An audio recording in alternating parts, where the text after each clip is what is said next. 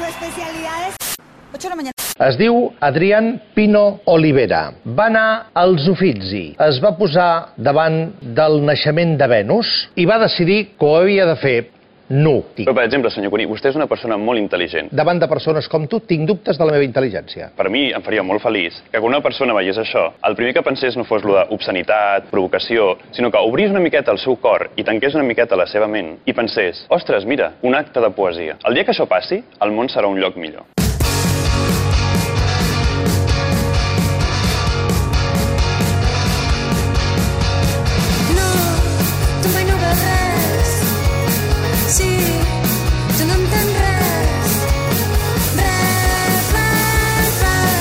Bones, Adrián. Molt bones. On som, a on anem i què farem? Estem a Glòries, al centre comercial. Vamos ahí al Carrefours con María Magdalena y sus acompañantes, Diva Charcutera i Diva Carnicera. Sí, Maria Magdalena d'entendre que seràs tu mateix. Sí, és que m'agraden molt les figures femenines que estan entre la santedat i ser unes guarrilles. Però sí, doncs anirem a la secció de carns i embotits i aleshores amb dues fantàstiques noies, la Yanae i la Marta, ens posarem a ballar I Can Be Tame de la Miley Cyrus. Ara m'estàs dient fora de micro que aquesta acció tindrà una o més interpretacions. La més senzilla, la més superficial, quina seria? Bailar en el Carrefour, dándolo todo. Després hi ha un discurs, diguéssim, més profund no? sobre aquesta acció. I diguéssim que el principal seria fer una lectura sobre la música pop i la indústria pop, no? com agafar aquestes divas no? i bàsicament les col·loca als escenaris com si fossin carn, no? que el públic devora, no? en plan, les masses devoren aquestes figures profundament sexualitzades, no? que és, és xitxa, pura xitxa. Nicki Minaj i su culo. Mira que semblava tonto el nen, però ara veus, ara ho has arreglat. Clar, clar, clar. És el discurso CCCB.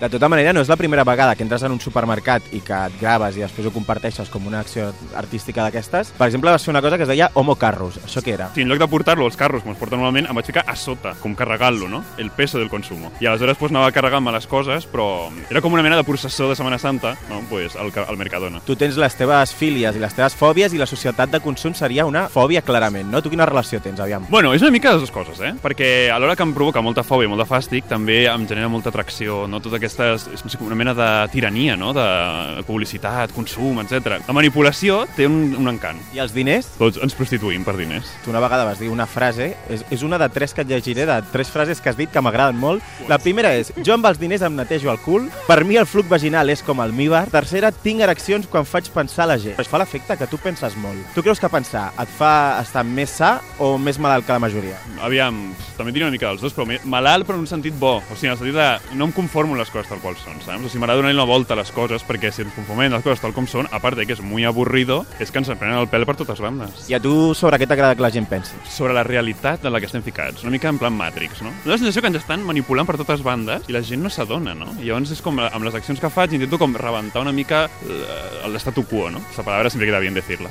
Estatu quo. Queda muy bien. Com reacciona la gent normalment quan, quan veu una acció d'aquestes que fa? Llavors jo penso a vegades que contra més, eh, més agressiva sigui l'acció, més peti aquesta bom bombolla, no seria? Burbuja, bombolla, status quo, no sé. El Burger King, el Burger King, que es va vestir d'animadora de Trump, van venir quatre o cinc segurates a fotre-li... A, bueno, a fotre'l fora, però eh, crec que el van, el, li van fer un placatge i tot. Per tant, avui el pitjor que ens pot passar, bueno, però és que ens facin fora. Que ens fotin una hòstia. Ladies and gentlemen, Avis Cyrus.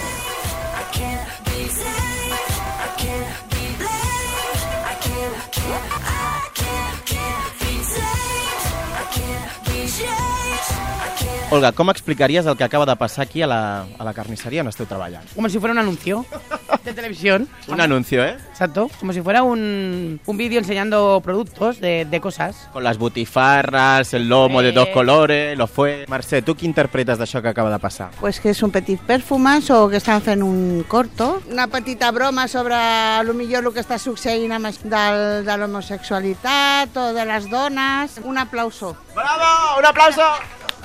Sou molt macos, de veritat. Que gent com aquesta gent fan falta al món. Olga, a ver, ¿y alguna vez os había pasado esto de que entrara alguien a, a la tienda y se pusiera a bailar, a hacer una performance? La verdad que no. ¿Qué arte tiene? Pero no lo ve.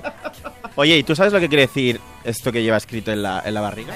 Slut. Pues no, no lo... Pues puta. Pues muy bien. ¿Tú qué relación ves entre esto de, de slut, de puta, el, atu- el atuendo que lleva y la carne? Bueno, pues que nos utilizan muchas veces como eso, como carne. A las mujeres sobre todo. Hay hombres también, pero sobre todo a las mujeres. Aviam, Adrián, ara que acabat amb la teva acció, aquí a la Olga i a la Mari Carmen d'on venim. Mira, venim primer del Carrefour, que como estaba al lado, la sección de carnicería del lado del segurata, ya nos han visto y han dicho, dice, no puedes entrar con esta indumentaria. Increíble, no me lo puedo creer. Luego al campo, bueno, lo hemos podido hacer, pero ha venido como si, bueno, como si fuéramos del ISI. En plan, todo el ejército americano a buscarnos, ¿sabes? Hombre, me parece increíble. Increíble porque, vamos, no creo que hagan nada malo. uniforme de terrorista. Las madres viven con la prole en resorts con Green Coast és el corte inglès, és que és invitex. Ara tenim aquí a l'Adrián i companyia fent el visionat dels vídeos que heu gravat i de fet han dit una cosa que no sé si a tu, per exemple, et molesta aquesta reacció que pot tenir de vegades la gent que t'han dit pallasso directament. No, a mi no em molesta això. A mi que diguin el que vulguin. A mi el que em molesta sempre és la, com aquesta mena de mm, violència extrema per aplacar algú que veus clarament que no està fent res de l'altre món. Vull dir, que si té alguna escopeta... Fa l'efecte que tu et prens molt seriosament el que fas, és a dir, la crítica que fas de fons, però que et prens poc seriosament a tu mateix. Això és així? O sigui, tu tens molt sentit de l'humor. Molt. Home, clar, si, si no podria... A veure, ¿quién se va al Bonaria a bailar con, entre fuets? I m'ha agradat el que ha passat, t'explico per què m'ha agradat el que ha passat. Perquè hem anat primer a dues empreses grans, que per mi això és el sistema. I llavors ens han reaccionat en què? Amb una violència extrema. En canvi, aquí hem anat a la botiga del barri, que la porten dues dones, i això m'ha agradat tant que hagi passat, perquè és la meva filosofia personal. Crec que el món ha de fer una evolució cap a una feminitat, saps? Cap a la feminitat, en el sentit que d'aquesta forma la reacció davant d'actes no és agressiva, és de sorpresa o de quina gràcia, no? Com més acollidora davant d'una cosa que se surt de la normalitat, no aplacar-la amb aquesta violència asquerosament masculina, saps? Que viva las mujeres, que viva las mujeres, és mi conclusió.